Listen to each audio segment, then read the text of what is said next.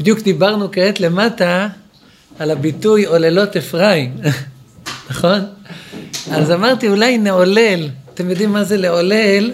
בלשון התנ"ך יש ציווי בספר הדברים כתוב כי תבצור כרמך לא תעולל אחריך לגר ליתום ולאלמנה יהיה יש בציר של, ה...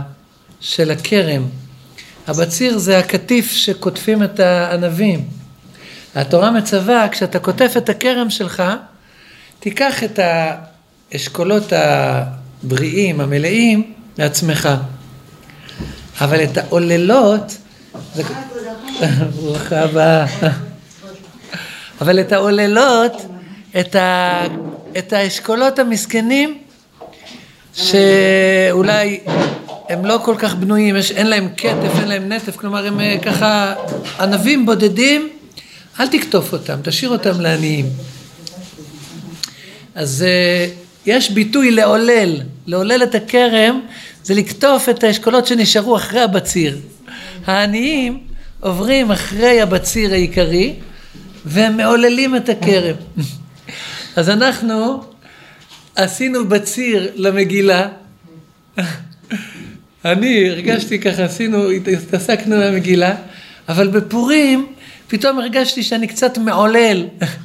כלומר, שאני כותב את אלה האשכולות שנשארו, אולי אין להם כתף ונטף, הם לא אשכולות בריאים כאלה שמנים, אבל הם גם חשובים. התחדשו לי כמה חידושים. אז רגע לפני שאנחנו עוברים לפסח, כמו התכנון, אמרתי, אולי נעולל את, ה... את, ה... את המגילה. אז בקריאה של אה, מגילת אסתר בבוקר של פורים התחדש לי חידוש. שפתאום פעם ראשונה קראתי אותו מתוך המגילה, לא שמתי לב אליו עד עכשיו. בסוף המגילה, אה, ביום י"ג באדר נאספים היהודים בכל 127 המדינות ועושים שמות ונקמות באויבים שלהם. ומגיע המלך, ויאמר המלך לאסתר המלכה. בשושן הבירה הרגו היהודים חמש מאות איש. בשאר מדינות המלך, מה עשו? אני לא, הוא לא יכול לדעת מה עשו כי עוד לא קיבל את המידע. ומה שאלתך ויינתן לך ומה בקשתך עוד ותעש. תן אסתר המלכה ותאמר מצאתי חן בעיני המלך המלך טוב. יינתן גם מחר ליהודים אשר בשושן לעשות כדת היום, ואת עשרת בני המן נתלו על העץ.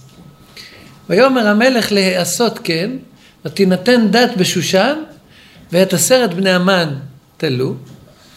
ויקהלו היהודים אשר בשושן גם ביום ארבעה עשר לחודש אדר, ויהרגו בשושן שלוש מאות איש, ובביזה לא שלחו את ידם. אז אלו הפסוקים. הם ידועים, הסיפור ידוע. כלומר, בכל המדינות עשו נקמות באויבי היהודים ביום י"ג באדר, ונחו ועשו משתה ביום י"ד, ולכן אנחנו חוגגים את פורים ביום י"ד. אבל בשושן היא ביקשה יום נוסף, וקיבלה יום נוסף, ועשו שמות באויבי היהודים גם, תודה, עשו שמות באויבי היהודים גם ביום ארבעה עשר, היו עסוקים, ורק ביום חמישה עשר, ונוח בחמישה עשר בו, ועשות היום משתה ושמחה, ולכן עד היום היהודים המוקפים עושים, כמו בירושלים, ביום ט"ו, בחודש ניסן, בחודש אדר. אבל השאלה, למה לא גמרו את העבודה ביום י"ג? למה הייתה צריכה לבקש יום נוסף? מה זה כל הסיפור הזה? אז אף פעם לא שמתי לב למה שכתוב במגילה. ופתאום בקריאת מגילה של יום פורים, פתאום שמתי לב. הילדים פה לימדו אותי לשים לב למה שקוראים. עכשיו, אה, מאוד מאוד אני נהנה ממה שאתם מעירים את תשומת ליבי. אז, אה, אז מה קרה? ניתנה הזדמנות לכל היהודים שבכל מדינות המלך ל- לעשות שמות ונקמות נגד המחרחרי ריב והמסיתים נגד היהודים. בכל, לצערנו הרב, בכל עיר יש כאלו. בכל ארץ יש כאלו, אנטישמיים, רשעים, שונאי ישראל. וכולם ניצלו את ההזדמנות בכל מדינות המלך לעשות שמות באויבי היהודים. אלה שם אתמול ומחר רצחו יהודים שהם אה, שוטפים את הדעה של כל התושבים נגד היהודים. שונאי ישראל אנטישמים. אבל בשושן, אנחנו כבר הקדמנו, שבשושן יש שני מחוזות. מקום אחד שנקרא שושן הבירה, והוא המושב של השרים והפקידים והסריסים ונושאי התפקידים. ויש אזור אחר שנקרא העיר שושן, שרובה יהודים. עכשיו, איפה יש יותר הרבה שונאי ישראל? בשושן הבירה, בגלל שהם מינוי פוליטי של צורר היהודים, הקנצלר לשעבר, המן בן המדתא האגגי, צורר היהודים.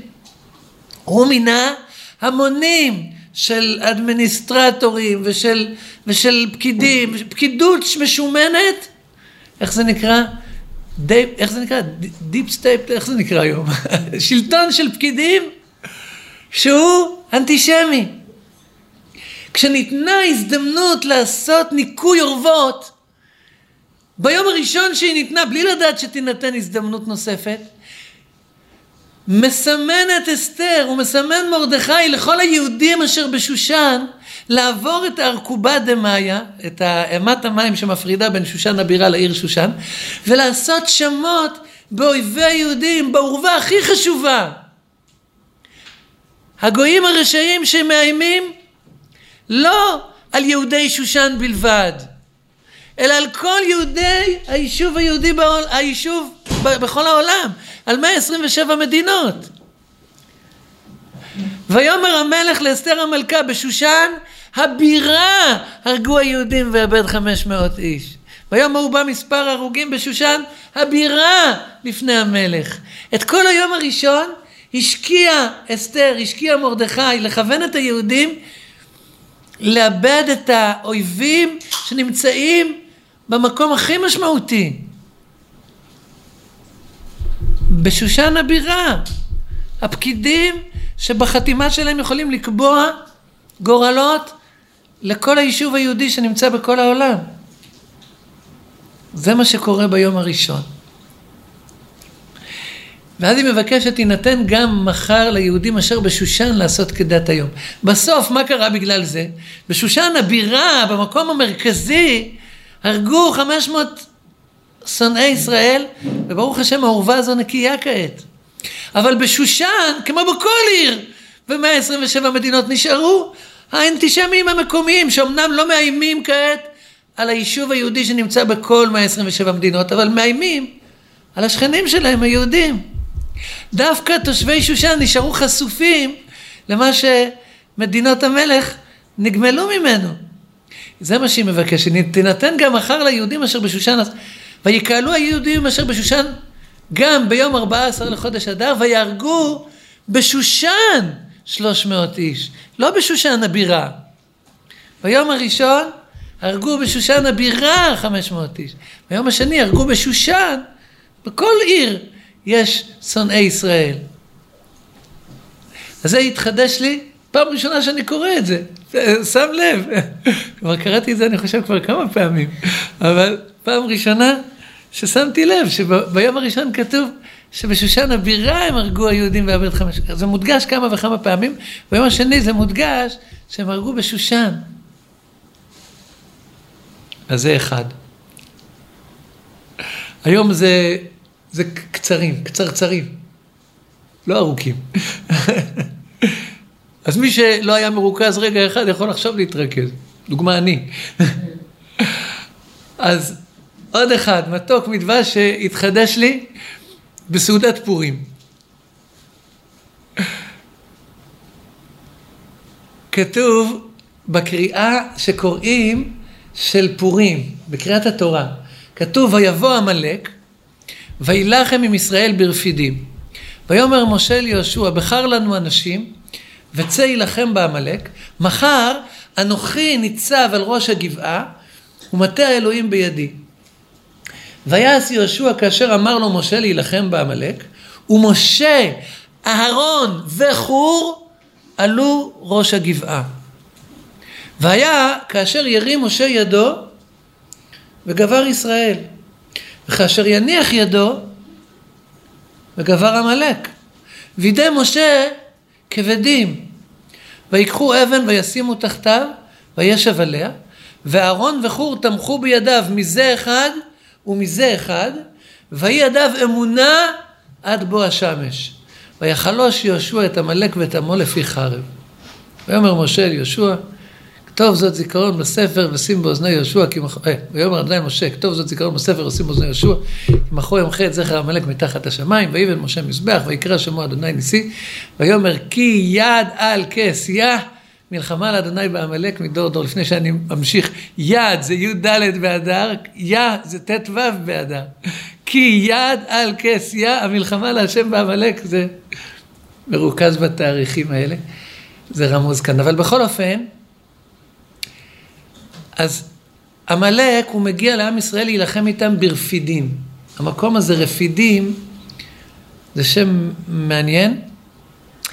לפני כן כתוב שברפידים הם התלבטו על נסותם, על, על, על נסותם את אדוני לאמור, היש אדוני בקרבנו עם עין. אז קראו למקום הזה מסע ומריבה, על ריב בני ישראל ועל נסותם את אדוני לאמור יש אדוני בקרבנו עם עין, וחז"ל אומרים שגם השם רפידים הוא רומז לרפיון ידיים מהאמונה. לא החזיקו את האמונה חזק, רפו ידיהם מן התורה. ובגלל זה עמלק מגיע. עכשיו מה עמלק? אז רבי צדוק הכהן מלובלין הוא אומר שעמלק, מה שהוא אומר לה, כתוב בספר דברים, אה, זכור את אשר עשה לך עמלק בדרך בצאתכם מצרים, אשר יקרך בדרך, ויזנב בך כל הנחשלים אחריך, ואתה עייף ויגע, ולא ירא אלוהים. כלומר, במי הוא מטפל, עמלק? באלה הנחשלים, המזדנבים בסוף, גם מבחינה אמונית. אומרים חז"ל, אלו שהענן פולטם, כלומר שלא היו במדרגה מוסרית, יהודית מספיק גבוהה, והענן פולט אותם. אומר רבי צדוק, עמלק בא אליהם, אומר להם, ניסיתם להיות יהודים? לא כל כך הלך, נכון? זה קשה. בואו תנסו את הכיוון, כיוון קצת אחר. נסו להיות גויים, אולי זה ילך יותר טוב.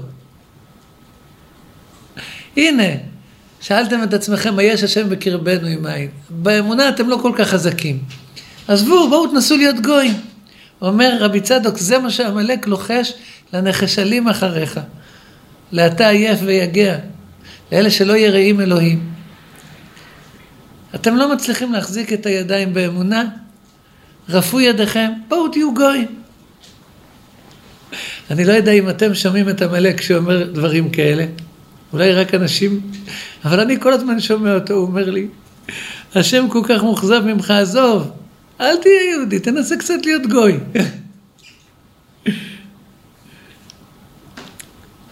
ויש פה דבר מוזר, כי משה אומר ליהושע, מחר אנוכי ניצב על ראש הגבעה, בחר לנו אנשים וצא יילחם בעמלק, והוא מכריז שהוא יעלה לראש הגבעה, אבל בסופו של דבר הוא לא עלה לבד, כתוב הוא משה, אהרון וחור עלו ראש הגבעה.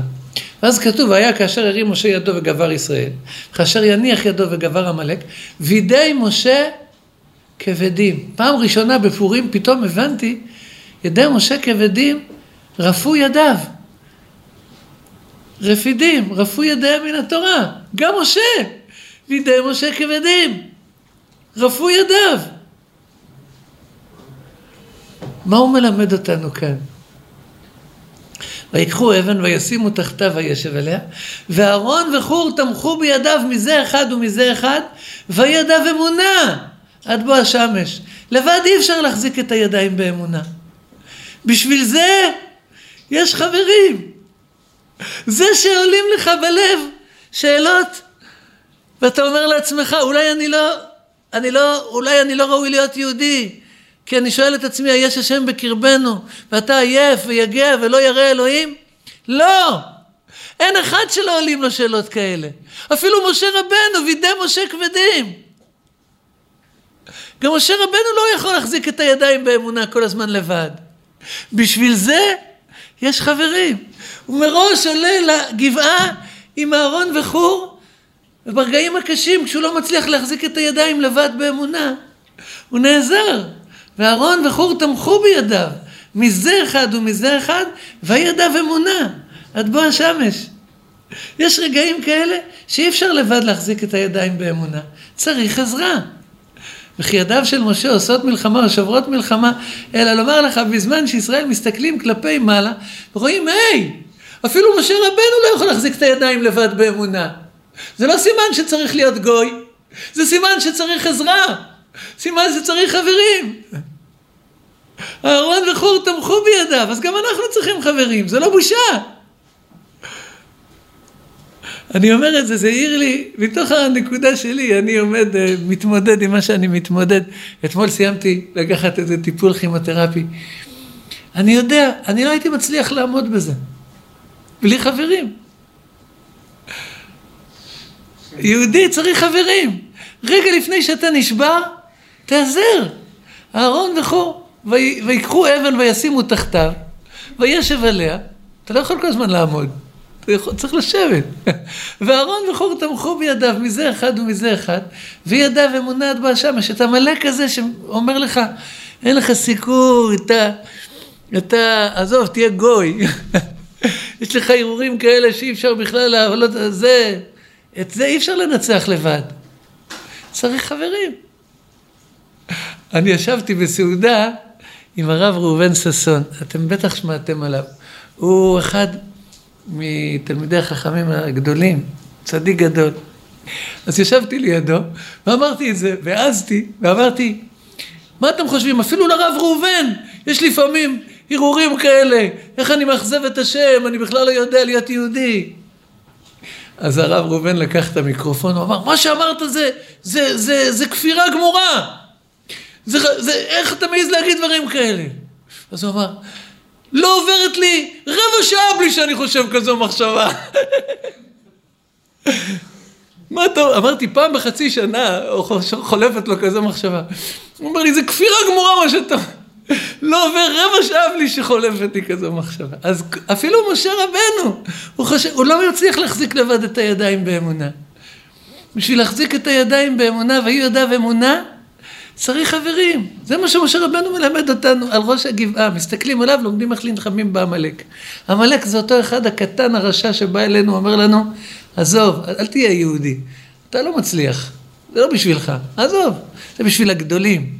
אתה משלנו, בוא. אכול ושתו כי מחר נמות. לא, אני למדתי ממשה. באותו רגע לפני שאני נופל אחריך, אני מתקשר לחברים שלי. ואהרון וחור תמכו בידיו מזה אחד ומזה אחד, ויהי ידיו אמונה. זה העיר לי בפורים, זה לא פשט, אבל זה מתוק מדבש, אני חושב שזה גם נכון. וזה עוד וורט שהעיר לי בפורים. אתם נפלתם, כאילו, אני נופל עליכם היום כבד עם כל ה... עם כל השיריים של פורים. ו...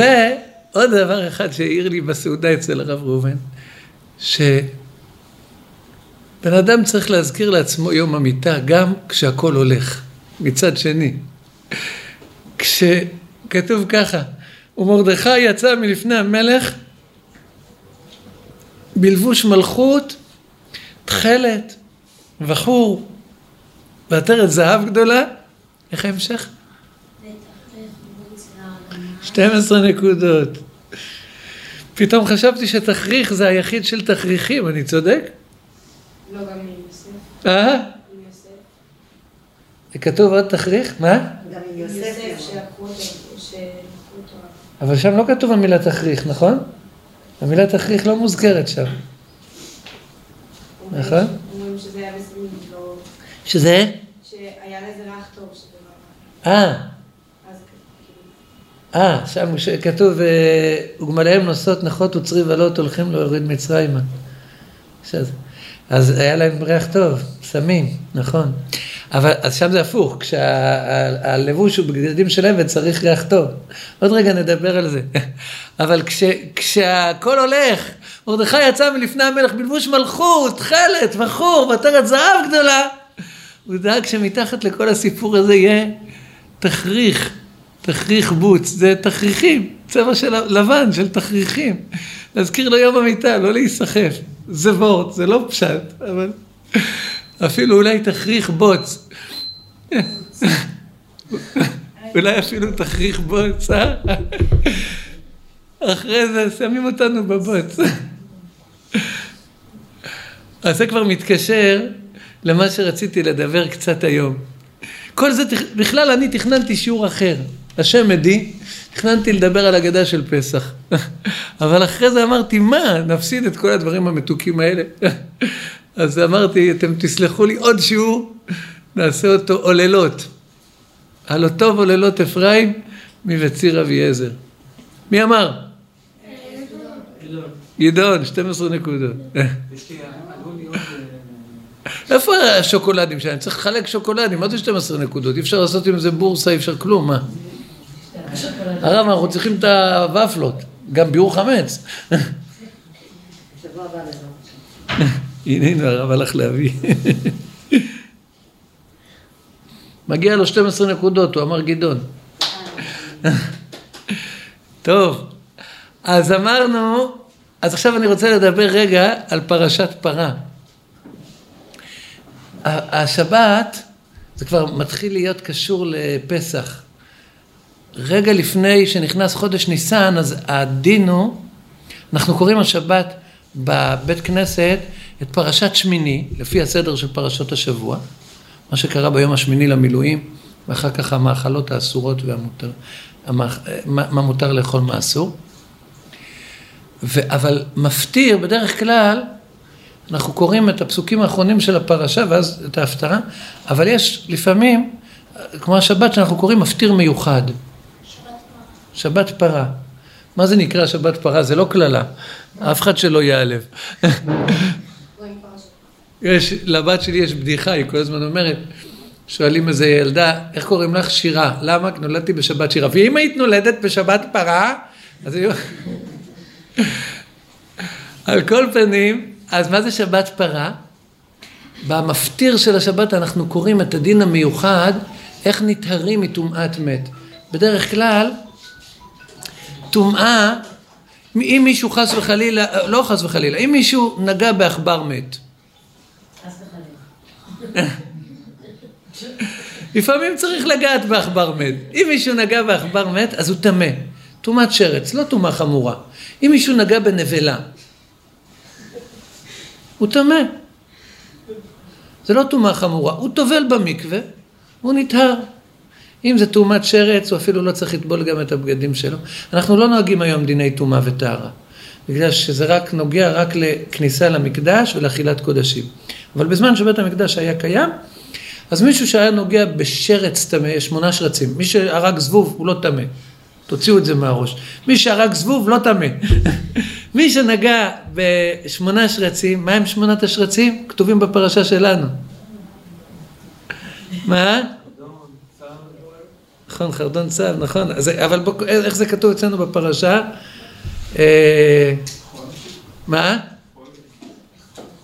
כן, החולת והעכבר והצב ולמינהו והנקה והכוח והלטאה והחומת והתנשמת. אלה הטמאים לכם בכל השארץ. לא משנה. בכל אופן, אז יש שמונה שרצים, מי שנגע בהם כשהם מתים, מי שנגע בעכבר חי לא טמא. לא, לא, אין דבר כזה. שום דבר לא מטמא בחיים. מי שנגע בעכבר מת, או באחד משמונה שרצים, אז הוא טובל במקווה והוא טהור. מי שנגע בנבלה, כלומר באיזה... אז הוא גם, הוא טמא, טומאה קלה הוא טובל במקווה והוא טהור. ועוד הרבה אנשים טמאים נטהרים על ידי מקווה. אבל יש טומאה חמורה. מי שנגע באדם מת, או שהוא היה בארבע אמות של המת, או שהוא היה בתוך בית, בתוך, בצל של קורת גג אחת עם המת. אז הוא טמא בטומאה חמורה. הוא יטבול 200 פעמים במקווה, זה לא יעזור לו, הוא לא יטהר. בשביל לטהר אותו צריך אפר של פרה אדומה. ולקראת פסח, שכולנו צריכים להיות טהורים, בגלל שבבית המקדש, בפסח כל היהודים מגיעים וצריכים לאכול קורבן פסח, יהי רצון שנזכה השנה. אז בגלל זה, ברגע לפני חודש ניסן, מזכירים לנו הפטרת פרה, כלומר, שמהטומאה הזו של טומאת מת, מי שהשתתף בהלוויה, מי שנגע במת, מי שהעיל על המת, הוא צריך אפר של פרה אדומה להזות עליו. אני אסביר בקיצור איך זה הולך. אספ... כאילו זה מעמד שעושים אותו פעם בהמון המון שנים. לוקחים פרה אדומה, שוחטים אותה מול בית המקדש, ואז שורפים אותה ועץ ארז ושנית תולעת ואזוב, ואוספים את כל האפר, כולל של העץ, כולל של האפר, כולל של הפרה. למקום אחד, ו... ואז כל פעם שיש מישהו שהוא טמא, מוציאים מים טהורים ממעיין, שמים עליהם כמה פירורים של אפר, לוקחים אגודת אזוב, מכניסים לתוך המים ומזים על הטמא ביום השלישי של טומאתו, ביום השביעי של טומאתו, ואז ביום השביעי הוא גם טובל במקווה ואז הוא נטהר. אמרתי בקיצור גדול, זה איבדנו, אין לנו כבר אפר פרה אדומה, אין לנו טומאה וטהרה, אבל בכל אופן, זה מה שאנחנו נצטרך, בעזרת השם, לקראת פסח, אם יהיה קורבנות. עד כאן זה ההלכה הפשוטה, אבל עכשיו השאלה הגדולה, מהו הצבע של הטומאה ומהו הצבע של הטהרה? בדרך כלל, כמו שאת אומרת, מצוין, 12 נקודות. איפה הפרסים שלי? תמיד, אדום זה הצבע של הטומאה, והלבן זה הצבע של הטהרה. איפה רואים את זה? 12 נקודות. אם יהיו חטאיכם כשנים, כשלג ילבינו.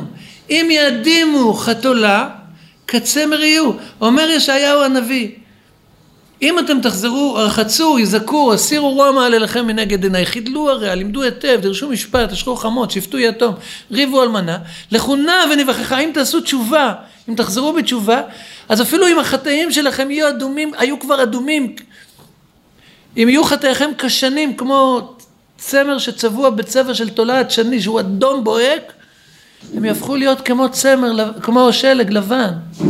אם יהיו חטאיכם כשנים, כשלג ילבינו. אם יעדימו כתולה, תולעת שני, כצמר יהיו, יחזרו להיות לבנים. כלומר, הצבע של הטומאה זה אדום, והצבע של הטהורה זה לבן. כתוב במסכת יומא, שכשהכהן או האיש איתי היה זורק את ה... היו לוקחים לשון של זהורית ושמים על הקרניים של השעיר המשתלח לעזאזל. באותו רגע שהיו זורקים את השעיר מהצוק הזה, שהיו זורקים אותו, אז הצמר, הלשון של זהורית היה הופך מאדום ללבן כדי לרמז על הטהרה, וגם היה לשון של זהורית שהיו שמים בפתח של ההיכל, לוקחים מהשעיר של השם, וגם הוא היה משתנה באופן פלאי, הצבע שלו מאדום ללבן, לרמז לזה שהשם סלח לנו ביום הכיפורים. אז רואים שהאדום זה הצבע של הטומאה, והלבן זה הצבע של הטהורה. אבל פה קורה משהו משונה. מטומאת המת החמורה, איזה פרה צריך? אדומה. כתוב, ויקחו אליך פרה אדומה, תמימה, אשר אין בה מום אשר לא עלה עליה עול, ודווקא היא יכולה לטהר מטומאת מת. והיא צריכה להיות אדומה תמימה, אפילו שתי שערות לבנות יש בה, זה כבר פסולה. צריכה להיות מקסימום שערה לבנה אחת. לא הבנתי, התבלבלתי. אז איזה צבע טהור, איזה צבע טמא. וואלה, התבלבלתי. רגע, זה לא הדבר היחידי שמבלבל אותי, יש עוד הרבה דברים שמבלבלים אותי בהקשר הזה. כנגד הפסוק היפה של אם יהיו חטאיכם כשנים, כשלג ילבינו, שאומר שהחטאים הם אדומים והטהרה היא לבנה, יש פסוק הפוך, שאנחנו כולנו מכירים, או רובנו, לא תירא לביתה משלג, ככל ביתה לבוש שנים. מה? לא הבנתי, עוד פעם, עוד פעם. לא תירא לביתה משלג, ככל ביתה לבוש שנים. האשת חיל, היא לא מפחדת שירד שלג, בגלל שהיא הלבישה את הילדים שלה בבגדים של צמר צבועים בצבע תולעת שני אדום בוהק. לא הבנתי, מה מפחיד?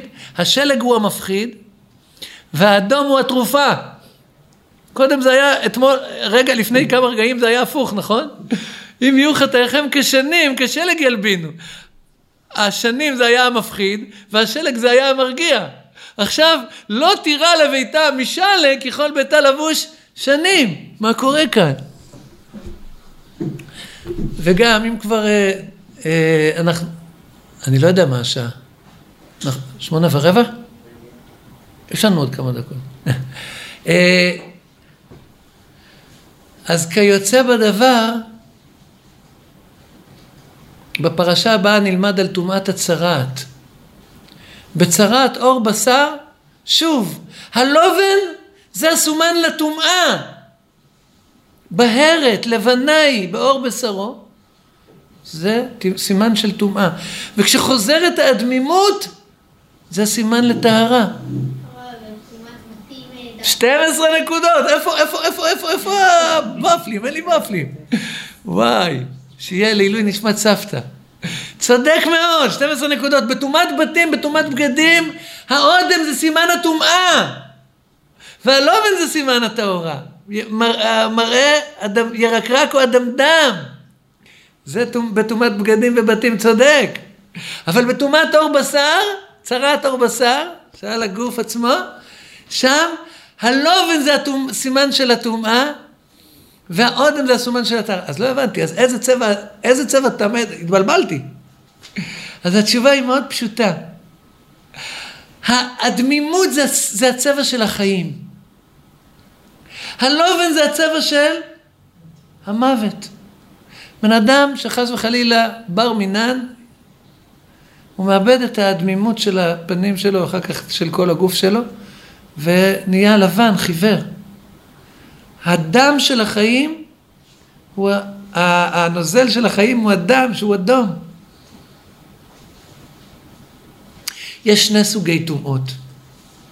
יש סוג אחד של טומאה, שזה תגבורת של חיים שלא יודעים שובע ולא יודעים גבולות. זה נקרא תאווה. הדם, החירות של הדם לוקחת אותנו לגנוב, להתאבות, לכל מיני דברים שאנחנו שוכחים את הגבולות של החיים. אנחנו חוטאים והטומאה קשורה שם בעודף של חיים. עפנו על עצמנו, לקחנו את עצמנו, שכחנו שאנחנו גבוליים. הטהרה מהטומאה הזו זה הזיכרון שהחיים פה הם לא לתמיד. סוף אדם למיתה. הזיכרון של יום המיתה הוא טהרה, הוא מטהר. יש יום אחד בשנה שאנחנו מזכירים לעצמנו את יום המיתה, אנחנו לא אוכלים ולא שותים, אנחנו מענים את נפשתנו, לובשים בגדים לבנים ואומרים לעצמנו, אל תעוף על עצמך, בובי. סוף אדם למיתה. הסתכל בשלושה דברים ואין אתה בא לידי עבירה. אדם מאין באת ולאן אתה הולך ולפני מי אתה עתיד ליתן דין וחשבון. מאין באת מטיפס וכלן אתה הולך למקום עפר, מוות עוליה. ולפני מי אתה עתיד ליתן דין וחשבון לפני מלך מלכי המלכים הקדוש ברוך הוא. ואין אתה בא לידי עבירה. זה סוג אחד של עבירות שהן קשורות לעודף של חיים. היום הזה, יום הכיפורים, זה היום שבו אנחנו הופכים את האודם ללובן. אנחנו מתעסקים עם הטומאה שקשורה לאדום. שהכנסנו את הידיים עמוק מדי בתוך החיים, בלי גבולות, בלי לזכור את הפרופורציות. את הטומאה הזו אנחנו מתארים עם לובן. אבל יש טומאה אחרת חמורה יותר. זה הטומאה של הלובן. אדם חוזר עכשיו מהלוויה של מת. מישהו יקר לא נפטר. יש לנו פה את ישראל מאיר, שבשבת קודש סבתא שלהם נפטרה. אז הוא חוזר הביתה, ובלב שלו עולה מחשבה, אז למה? למה כל החיים האלה? למה להתאמץ? סוף אדם למיתה. יש איזה חידלון כזה, בקשה להתעיין. למה? אבל הבלים, הכל אבל. אין זיכרון לראשונים, וגם לאחרונים שיהיו, לא יהיה להם זיכרון הם שיהיו לאחרונה. כל מה שתעשה, הכל למיטה זה עומד. מה אתה, למה? והטומאה הזו היא טומאה חמורה, היא לוקחת אותנו לאיזשהו אה, אבדון, ייאוש, זה לא תאווה. זה הפוך מתאווה, זה ייאוש. זה טומאה, איזה צבע היא? לבנה. היא טומאה של, של, של בית קברות. היא טומאה של מצבות, היא טומאה של אדם לבן שאיבד את החיים שלו. וכשלוקחים אותה איתנו, זו הטומאה הכי חמורה.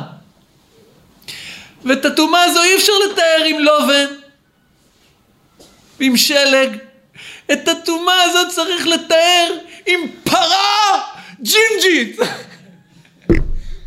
יודעים מה זה פרה ג'ינג'ית? צריך המון חמימות של חיים, צריך לחזור, להחזיר את האמון בחיים. אומרת לך התורה, תיקח פרה אדומה תמימה. ועם האפר שלה אפשר לטהר את הטומאה הזו. גם אמרנו, דיברנו על טומאת הצרה, הצרת עור בשר, זה, אותה, זה קשור לאותה טומאה, אמרנו, דיברנו על זה עם האותות שהשם נתן למשה בסנה, נכון? אז אמרנו שצרת זה כמו מוות, העצמות האלה כל בית ישראל אומרים, המה. הנה אומרים, יבשו עצמותינו, אבדה תקוותנו, נגזר לנו, אנחנו אבודים, אין שום סיכוי. והקדוש ברוך הוא אומר לו, בחק שלי המתים חיים, המצורעים קמים לתחייה. מחלה חשוכת מרפא אין סיכוי, לא, חק שלי. אז איך מתארים אדם מטומאת צרת? באדמימות. באודם. ליעקב אבינו היו שני אויבים, אחד אדום, אחד לבן. נכון? היה לו אח אדום וחותן לבן. אה? אבל בהגדה של פסח אנחנו אומרים שהלבן זה הכי חמור. לבן ביקש לעקור את הכל. אדום זה לא נחמד. אבל לבן זה הכי חמור. קודם כל, הטומאה הכי חמורה זה טומאה לבנה, שאומרת לך, עזוב, אין לך סיכוי, תתייאש. זו הטומאה הכי חמורה. בדור שלנו זו הטומאה, היא, היא, היא אוכלת אותנו בכל פה, כל הזמן. צריך לזכור, זה לא האמת.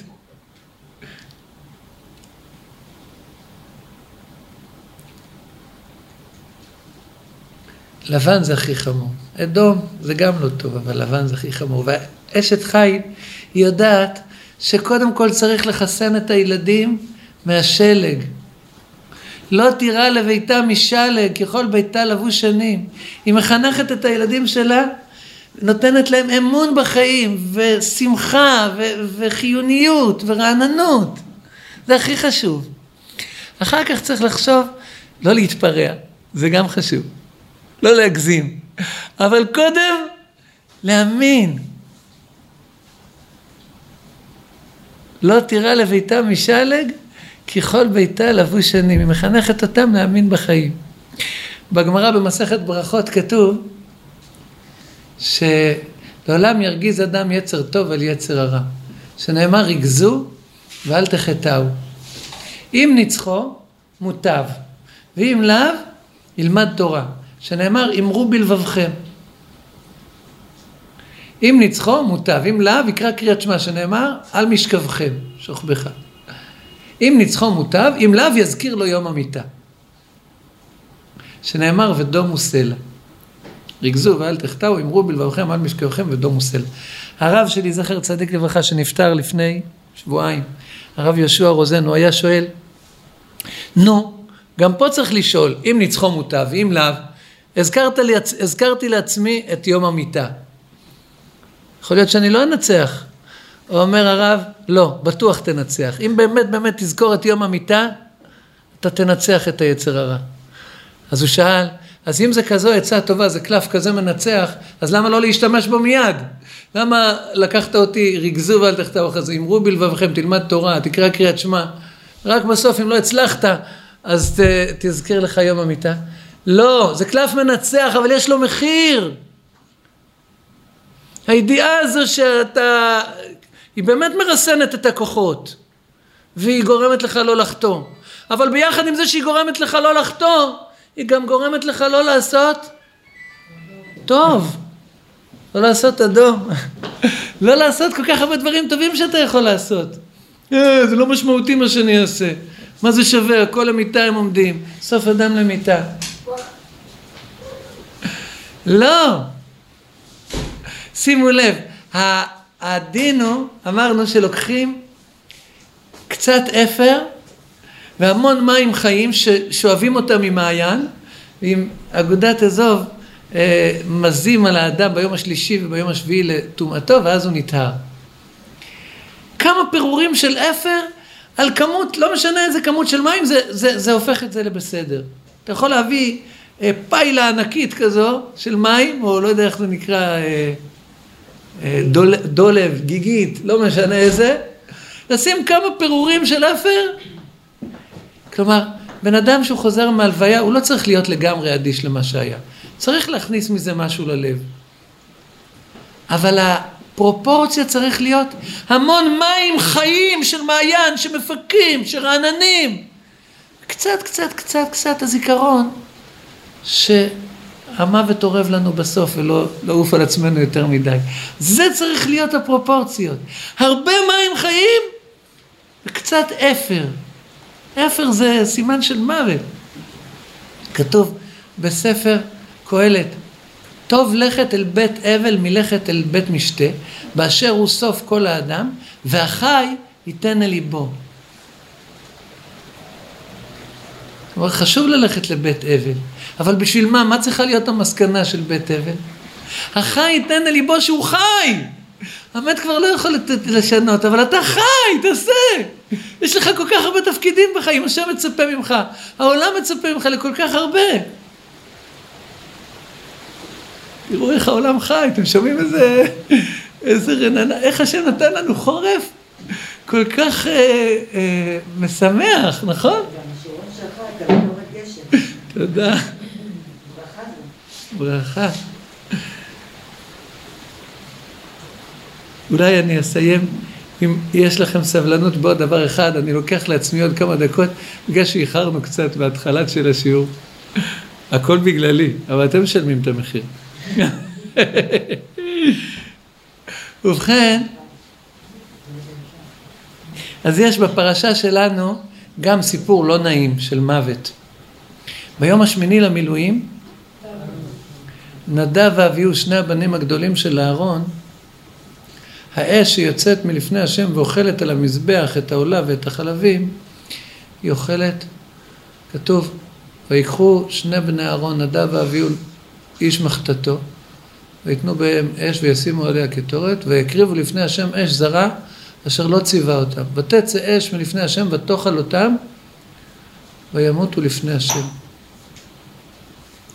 ויאמר משה אל אהרון, הוא אשר דיבר השם לאמור בקרוביי אקדש, ועל פני כל העם אכבד, וידום אהרון. ואז משה רבנו מצווה את אהרון לא להתעסק במתים, להמשיך להיות כהן, הוא והבנים שנותרו לו, אלעזר ואיתמר, ואחיכם כל בית ישראל יבכו את השרפה אשר שרף השם. ומישאל ואלצפן הם יוציאו את אה, נדב ואביהו, יטפלו בהם, הבני דודים שלהם. אחר כך משה רבנו מצווה, כתוב ויאמר משה אל אהרון ואל אלעזר ואל איתמר בניו הנותרים לאמור קחו את המנחה הנותרת מאישי אדוני ואכלו המצות אצל המזבח כי קודש קדשימי כי כן ציוויתי. הפירוש הפשוט של הפסוק בדרך כלל כהן שקרה לו אסון ומתו מוטל לפניו אסור לו לאכול קודשים מי שהוא אונן, כלומר שמת לא מת, אסור לו לעשות שום מצווה מהמצוות. דתיים צריכים להתאמן על זה, חס וחלילה, אבל כאילו אס, אסור לו לברך לפני שהוא שותה, לפני שהוא אוכל. הוא פטור מכל המצוות. אונן, עד שהמת נקבר, אז הוא פטור מכל המצוות, אסור לו להניח תפילין, אסור לו, אסור לו כל המצוות. לא? מה? אולי נטילת ידיים, נכון. אבל בדרך כלל כל שאר המצוות אסור לו. והכהן אסור לו לאכול קודשים. אומר משה לאהרון ולאלעזר ולאיתמר, אתם, אף על פי שאתם אוננים שהמת שלכם מוטל לפניכם, הקרובים שלכם, האחים שלכם, הבן, הבנים שלך אהרון, אתם צריכים להמשיך להתנהג כאילו אתם לא אוננים קחו את המנחה הנותרת מאישי אדוני ואכלו המצות אצל המזבח כמו כאילו אתם כהנים רגילים שלא קרה להם שום דבר רע. הדין של יש במנחה שני חלקים. חלק אחד זה הקומץ והלבונה שזה נקרא אזכרה שזה עולה על האש שעל המזבח וזה הולך להשם. קומץ בגלל זה קוראים לאצבע הזו קמיצה. פוטטים את ה... פוטטים לפתיתים את המנחה, ואז הכהן בא, מכניס שלוש אצבעות למנחה, קומץ עד האצבע הזו, היא נקראת קמיצה בגלל זה, והוא שם את זה בכלי מיוחד, ואז הוא אוסף גם את כל הלבונה אשר על המנחה, ואת זה הוא מעלה על המזבח, על האש של השם. וכל שאר המנחה, מה עושים איתה? היא נאכלת על ידי הכהנים, והנותרת מן המנחה יאכלו אהרון ובניו. אתם לא מכירים את הפסוק הזה? תלמידי שלום? יאכלו אהרון ובניו, מצה תאכל. אז הפסוק הזה ש, שאמרתי מהפרשה שלנו, הוא תמיד היה מצמרר אותי כשהייתי קורא אותו, והייתי מתבייש להגיד, עד שיום אחד אה, העזתי, ואני אומר לכם עכשיו מה צמרר אותי בפסוק הזה. אז אני קורא לכם עוד פעם את הפסוק הזה. אולי לפני שאני אקרא אותו אני אזכיר את הרש"י רש"י אומר על נדב ואביהו, נעשה כמה הקדמות. בדרך כלל אנשים שמתו בחטאם לא נזכרים לטובה. לא עושים יורצייט לדתן ואבירם, שהם נבלעו באדמה, נכון? מישהו עושה? לא עושים אה, יום צום ביום שקורח נבלע באדמה ולא ביום ש... אה, וואו, תודה. לא עושים, אלה שמתו בעוונם בדרך כלל לא מזכירים אותם. אבל נדב ואביהו הם מיוחדים. עד כדי כך שבשולחן ערוך, בסימן תק"פ, שולחן ערוך אומר שהיחידים מתענים ביום ראש חודש ניסן מפני שנדב ואביהו מתו בו. אף על פי שהוא ראש חודש ואף על פי שהוא חודש ניסן שבדרך כלל אסור להתענות בו היחידים מתענים, ככה השולחן ערוך אומר באורח חיים סימן תק"פ, שיש מנהג של הצדיקים להת, להת, להתענות בראש חודש ניסן בגלל מותם של נדב ואביהו. ואתה ואני שואלים, מה? אבל הם מתו בחטאם. כתוב שהם הקריבו לפני השם אש זרה. אבל זה לא השולחן ערוך בלבד קשה. כבר רש"י אומר, כתוב שם, הוא אשר דיבר השם לאמור בקרובה יקדש. אומר רש"י, והיכן אמר? כתוב, ונקדש בכבודי, בסוף פרשת תצווה. אומר לו משה לאהרון, ידעתי שיתקדש הבית במיודעיו של מקום, בקרוביו של מקום, והייתי בטוח, הייתי סבור, או בי או בך. עכשיו אני מבין שהם, נדב ואביהו, גדולים ממני וממך. עד כדי כך, רש"י אומר, עכשיו, שאני רואה שנדב ואביהו הם שנלקחו, אני יודע שהם גדולים ממני וממך.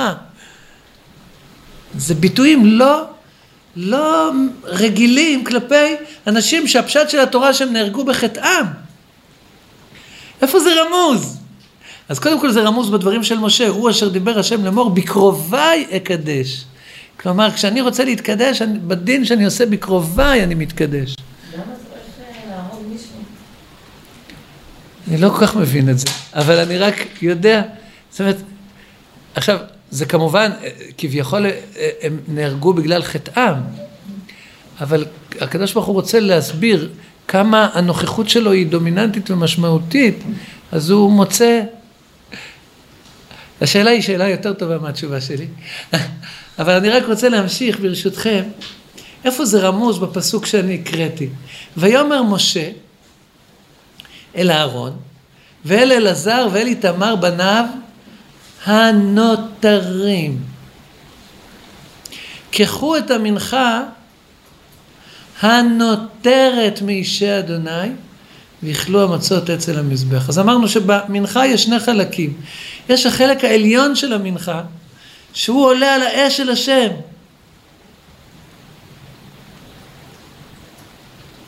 והוא נותן את הקדושה לחלק שנשאר, שהכוהנים אוכלים אותו.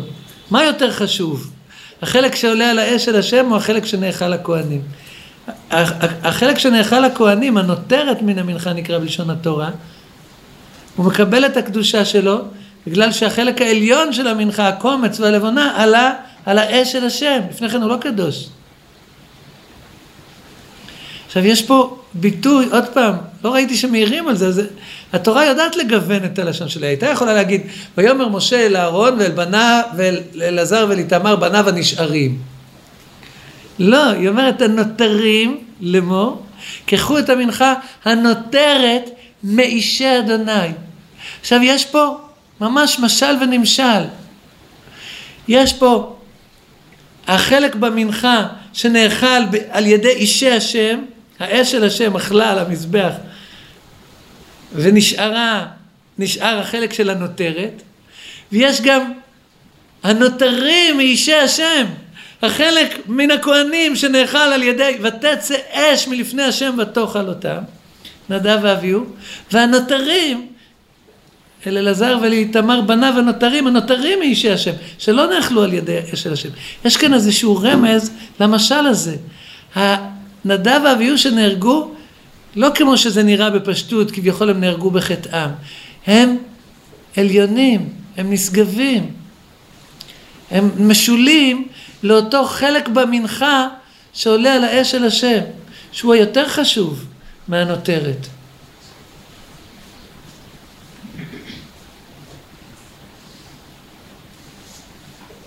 בתורת הסוד יש אריכות מופלגת על גודל נשמתם של נדב ואביהו. אחר כך נשמה הזו עברה לאליהו הנביא, אחר כך לאלישע הנביא. יהי נע פי שניים ברוחך אליי, הוא מעניין לי.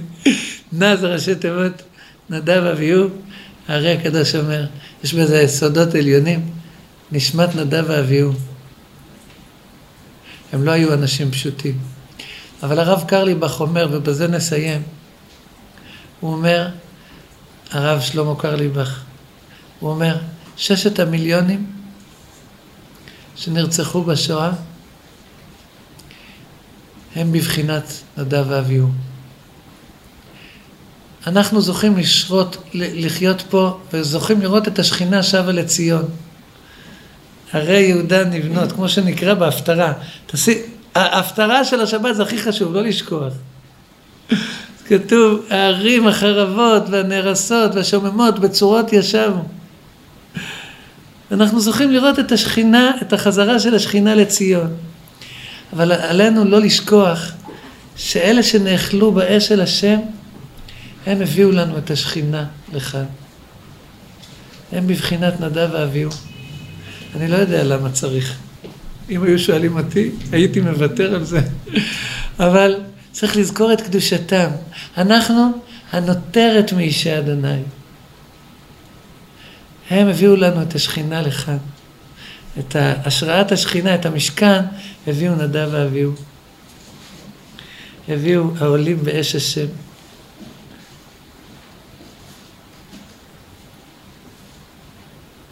רציתי להגיד עוד משהו ושכחתי. אה, אולי רק נסיים בפסוקים האלה של ההפטרה שלנו. ההפטרה, אמרנו, פרשת פרה זה הטהרה מטומאת מת, זה הכישרון הלאומי שלנו בתור יהודים. אני לא יודע אם יש חיים לפני המוות, אבל אחרי המוות בטוח יש חיים. זה מה שאנחנו כיהודים יודעים. כל פעם שקברו אותנו כבר, אספו אותנו כדומן על פני השדה, משם חיינו. ועליתי אתכם מקברותיכם עמי והבאתי אתכם על אדמת ישראל. וההפטרה שלנו זה הפרק לפני הפרק הזה של חזון העצמות היבשות. היבשות. כתוב שם, עוד זאת יידרש לבית יהודה לעשות להם הרבה אותם כצאן אדם, כצאן ירושלים במועדיה, כן תהיינה הערים החרב, החרבות מלאות צאן אדם. ידעו כי אני השם. כלומר, ירושלים במועד כל אחד היה צריך להביא חמישה קורבנות. כל משפחה. אז ירושלים במועדים היה כמו עדר. כל ירושלים. אומר יחזקאל, ככה הערים שעכשיו נראות לכם חרבות, נהרסות ואבודות, ובלי, אין יושב בהם איש, הרבה אותם כצאן אדם, כצאן ירושלים במועדיה, כן תהיינה הערים החרבות מלאות צאן אדם, וידעו כי אני השם. אנחנו נמצאים כאן וזה זה עובדה, זה חיים. כל ערי ישראל מלאות יהודים, הערים החרבות והנהרסות והשוממות, בצורות ישבו.